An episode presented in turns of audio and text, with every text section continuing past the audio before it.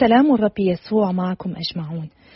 معكم ماريز فرنجي وأرحب بكم لهذه السلسلة الجديدة من قراءات الكتاب المقدس.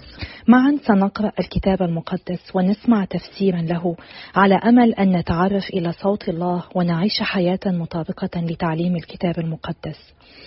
هذه التسجيلات الصوتية متوفرة على عدة مواقع إلكترونية للبودكاست Anchor، Spotify، Apple Podcast كما يمكنكم الحصول عليها من خلال الواتساب. بالانضمام إلى مجموعة الكتاب المقدس في سنة عبر الضغط على الرابط الإلكتروني المتوفر في وصف الحلقة. هناك أيضا ستجدون الرابط الإلكتروني لترجمة الكتاب المقدس التي سأستعملها في قراءاتي اليومية وهي الترجمة اليسوعية الكاثوليكية المتوفرة في ال app Holy Bible أو على الموقع الإلكتروني لهذا الكتاب المقدس.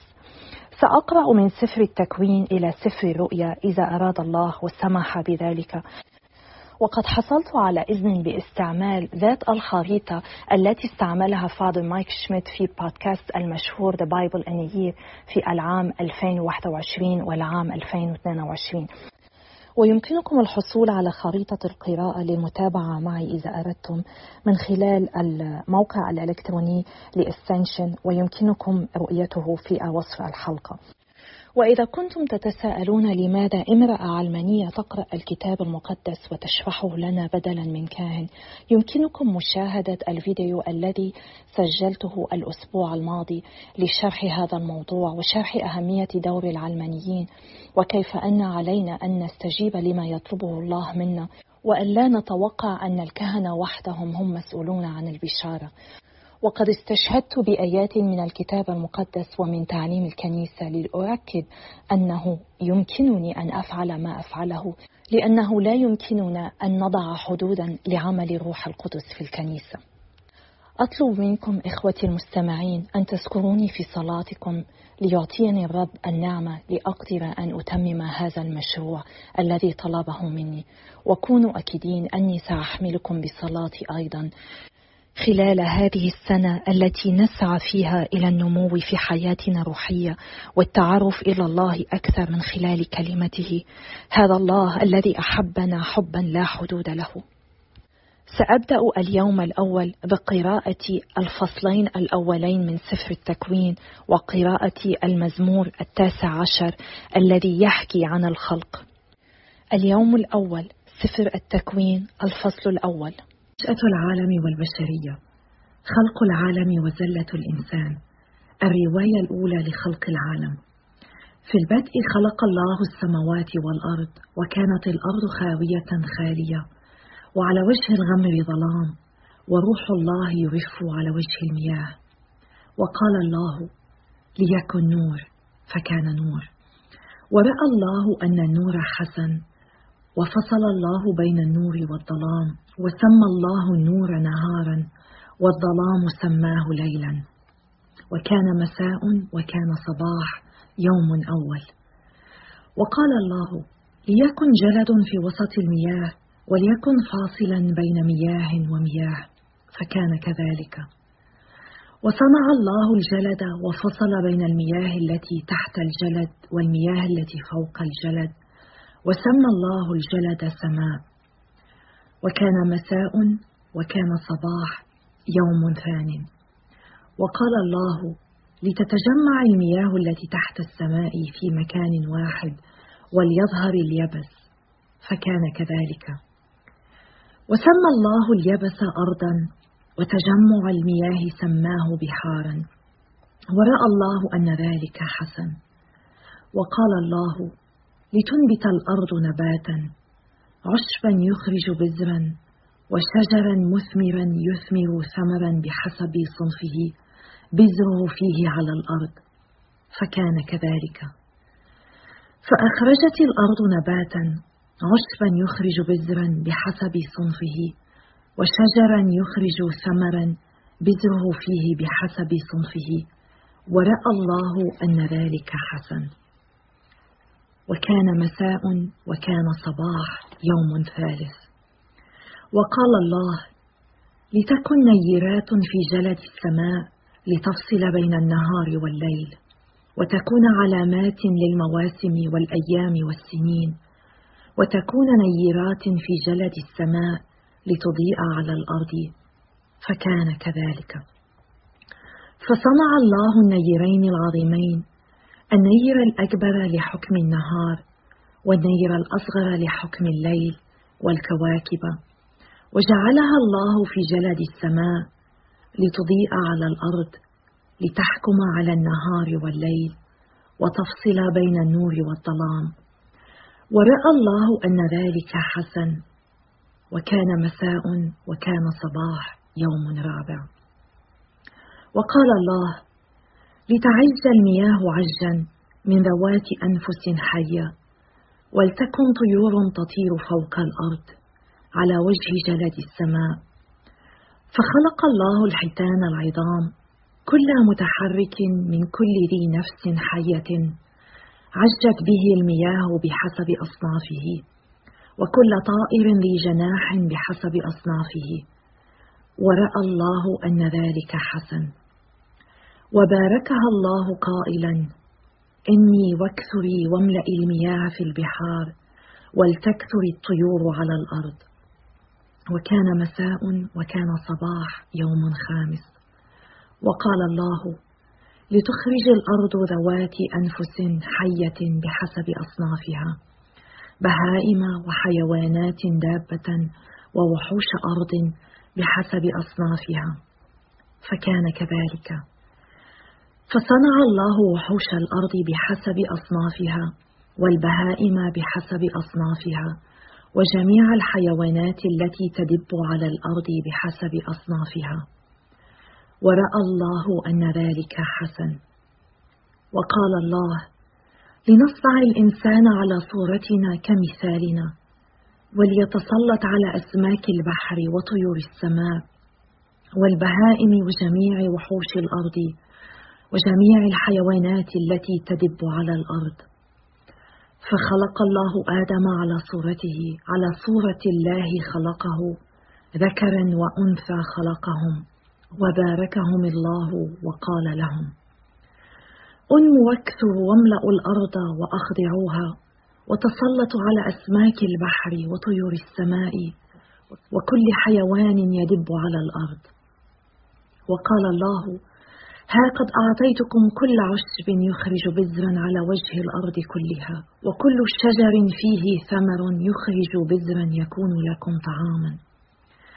ولجميع وحوش الأرض وجميع طيور السماء وجميع ما يدب على الأرض مما فيه نفس حية أعطيت كل عشب أخضر مأكلا. فكان كذلك ورأى الله جميع ما صنعه. فإذا هو حسن جدا وكان مساء وكان صباح يوم سادس. تكوين الفصل الثاني. وهكذا أكملت السماوات والأرض وجميع قواتها. وانتهى الله في اليوم السابع من عمله الذي عمله واستراح في اليوم السابع من كل عمله الذي عمله.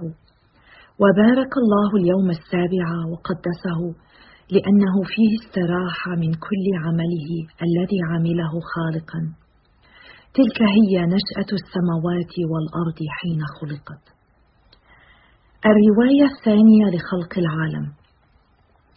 يوم صنع الرب الإله الأرض والسماوات لم يكن في الأرض شيح الحقول ولم يكن عشب الحقول قد نبت لأن الرب الإله لم يكن قد أمطر على الأرض. ولم يكن فيها إنسان ليحرس الأرض. وكان يصعد منها سيل فيسقي كل وجهها. وجبل الرب الإله الإنسان ترابا من الأرض ونفخ في أنفه نسمة حياة فصار الإنسان نفسا حية. وغرس الرب الإله جنة في عدن شرقا وجعل هناك الإنسان الذي جبله. وأنبت الرب الإله من الأرض كل شجرة حسنة المنظر وطيبة المأكل وشجرة الحياة في وسط الجنة وشجرة معرفة الخير والشر.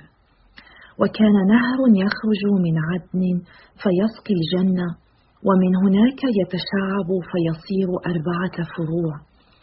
اسم أحدها فيشون وهو المحيط بكل أرض الحويلة حيث الذهب وذهب تلك الأرض جيد.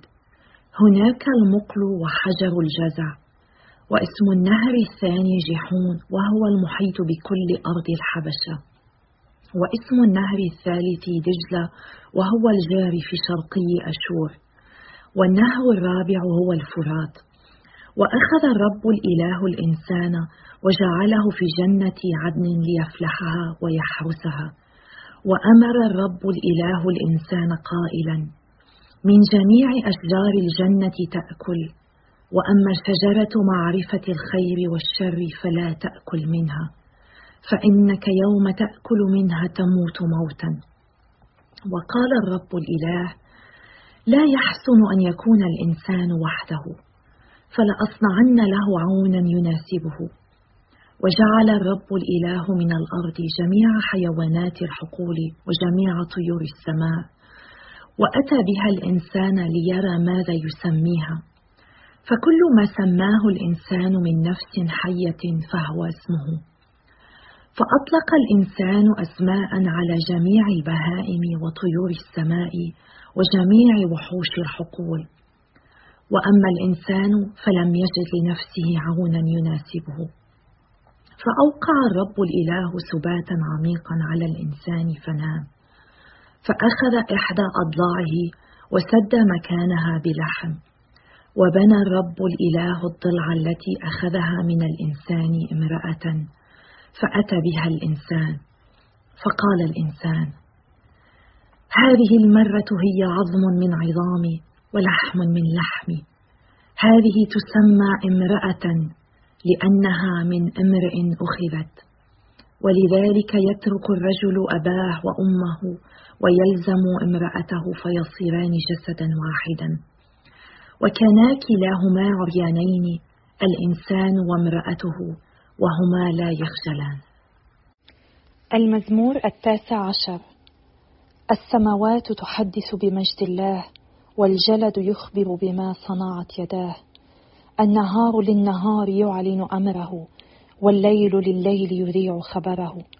لا حديث ولا كلام ولا صوت يسمعه الأنام بل في الأرض كلها سطور بارزة وكلمات إلى أقاصي الدنيا بينة.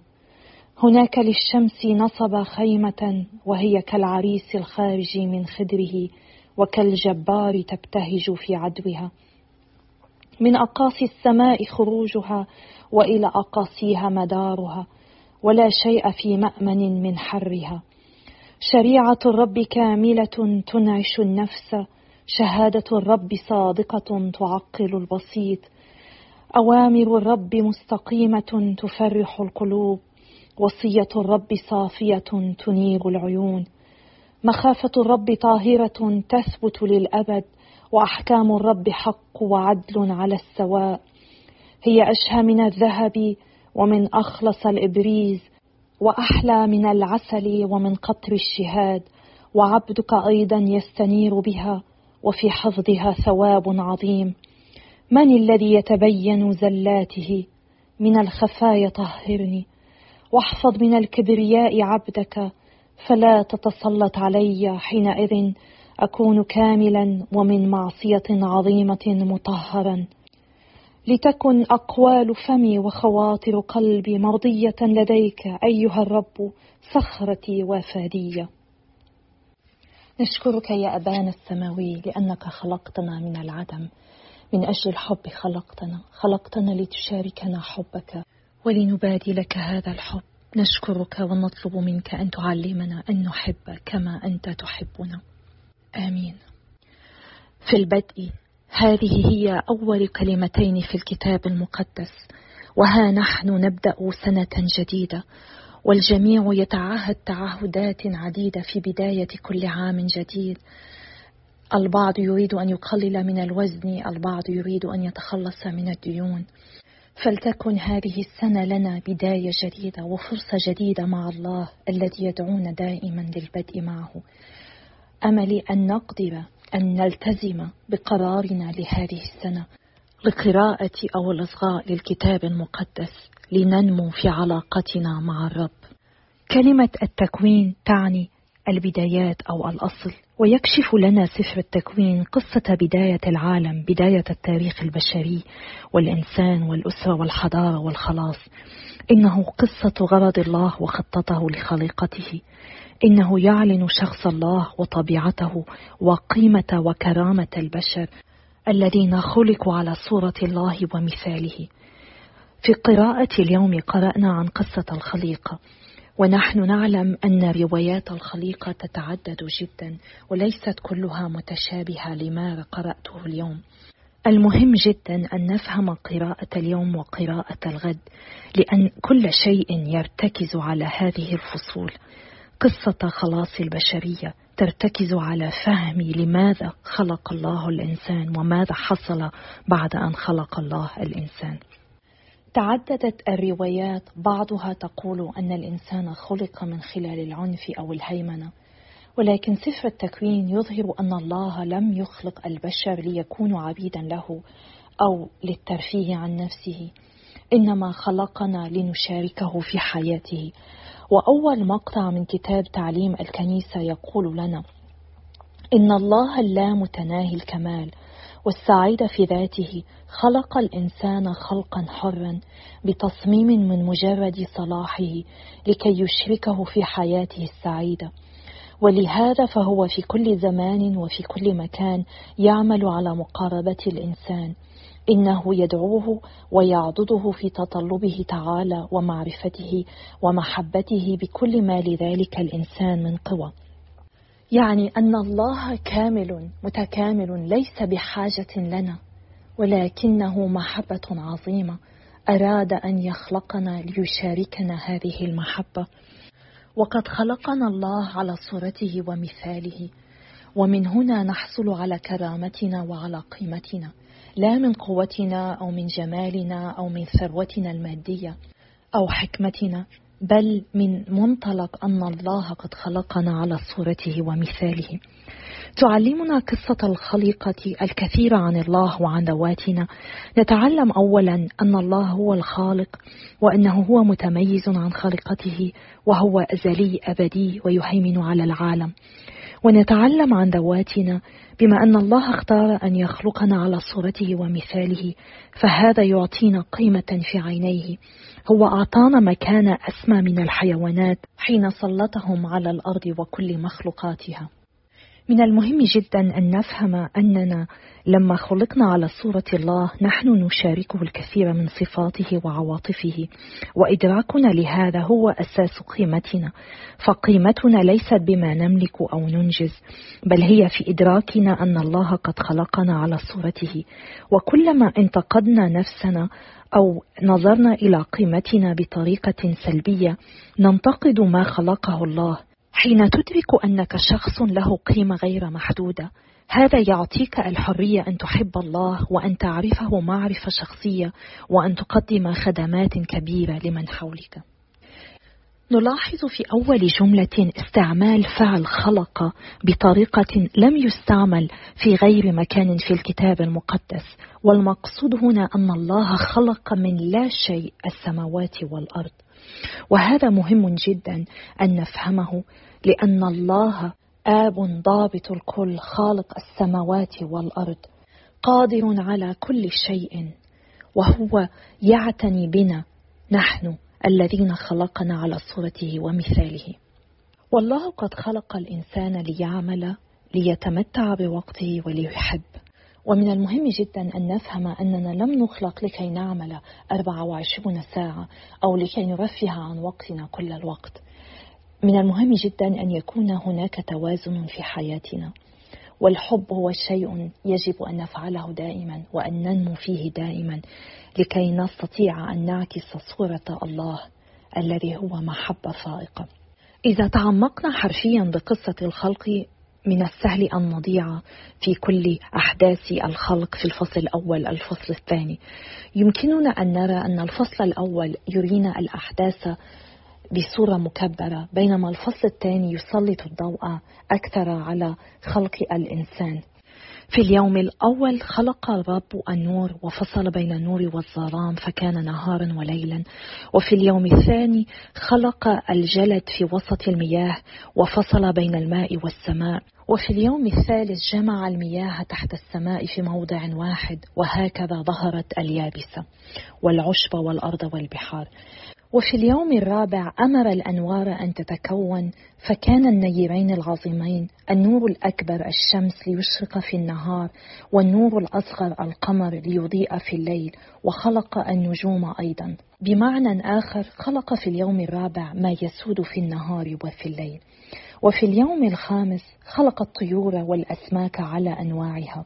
وفي كل يوم رأى الله أنه حسن. حتى جاء اليوم السادس حيث خلق الله الحيوانات وتوج خلقه بخلق الإنسان على صورته ومثاله. وهنا رأى الله أنه حسن جدا. استحسن الله جدا خلق الإنسان. الفصل الثاني يعطينا تفاصيل أكثر عن خلق آدم وحواء. بعد أن جبل الرب الإله آدم من تراب الأرض ونفخ في أنفه نسمة حياة استحسن في عينه أن يصنع له معينا نظيره. وجبل من التراب كل وحوش البرية وطيور الفضاء لكن آدم لم يجد لنفسه معينا نظيره فأوقعه الرب في سبات عميق وأخذ ضلعا من أضلاعه ومنها كون المرأة. ولما رآها آدم قال هذه الآن عظم من عظامي ولحم من لحمي فهي تدعى امرأة لأنها من امرئ أخذت. هناك لوحة تقول حين كون الله حواء من ضلع آدم لم يأخذها من رأسه ليرأس عليها ولا من رجله ليدوسها بل أخذها من جنبه لتكون معه مساوية له لتمشي معه ومن تحت ذراعه ليحميها ومن جانب قلبه ليحبها. كم من المهم التأمل بهذا لنفهم أن المرأة مساوية للرجل. الرجل والمرأة خلقا على صورة الله ومثاله. وهما يعكسانه وهما لهما ذات القيمة وذات الكرامة عند الله الآب الذي خلقهما. الله خلق كل شيء جيدا لأن الله جيد لأن الله حسن. العالم الذي نعيش به اليوم هو عالم جيد لكن للأسف خطيئتنا وضعفنا البشري غيره. سنتأمل في هذا غدا أكثر حين نقرأ ماذا حصل مع آدم وحواء. سأحاول أن أختم كل يوم بسؤال يساعدنا على التأمل بما قرأناه. بما أننا قلنا أن الله حسن وكل ما يخلقه هو حسن هل يمكنك أن تكتفي بأن تكون حسن؟ أم أن دعوتك أن تكون أكثر من ذلك؟ أنت خلقت حسنا بدون أي جهاد منك وأنت كذلك. فهل نكتفي بهذا؟ أم نسعى لأن نكون قديسين كما أن أبانا قديس كما يقول لنا الرب أتشكر إصغاءكم وصلواتكم وأشجعكم على مشاركة هذه التسجيلات مع غيركم لكي نسعى إلى إيصال كلمة الله إلى كل شخص يتكلم اللغة العربية. فليبارك الله كل جهودنا.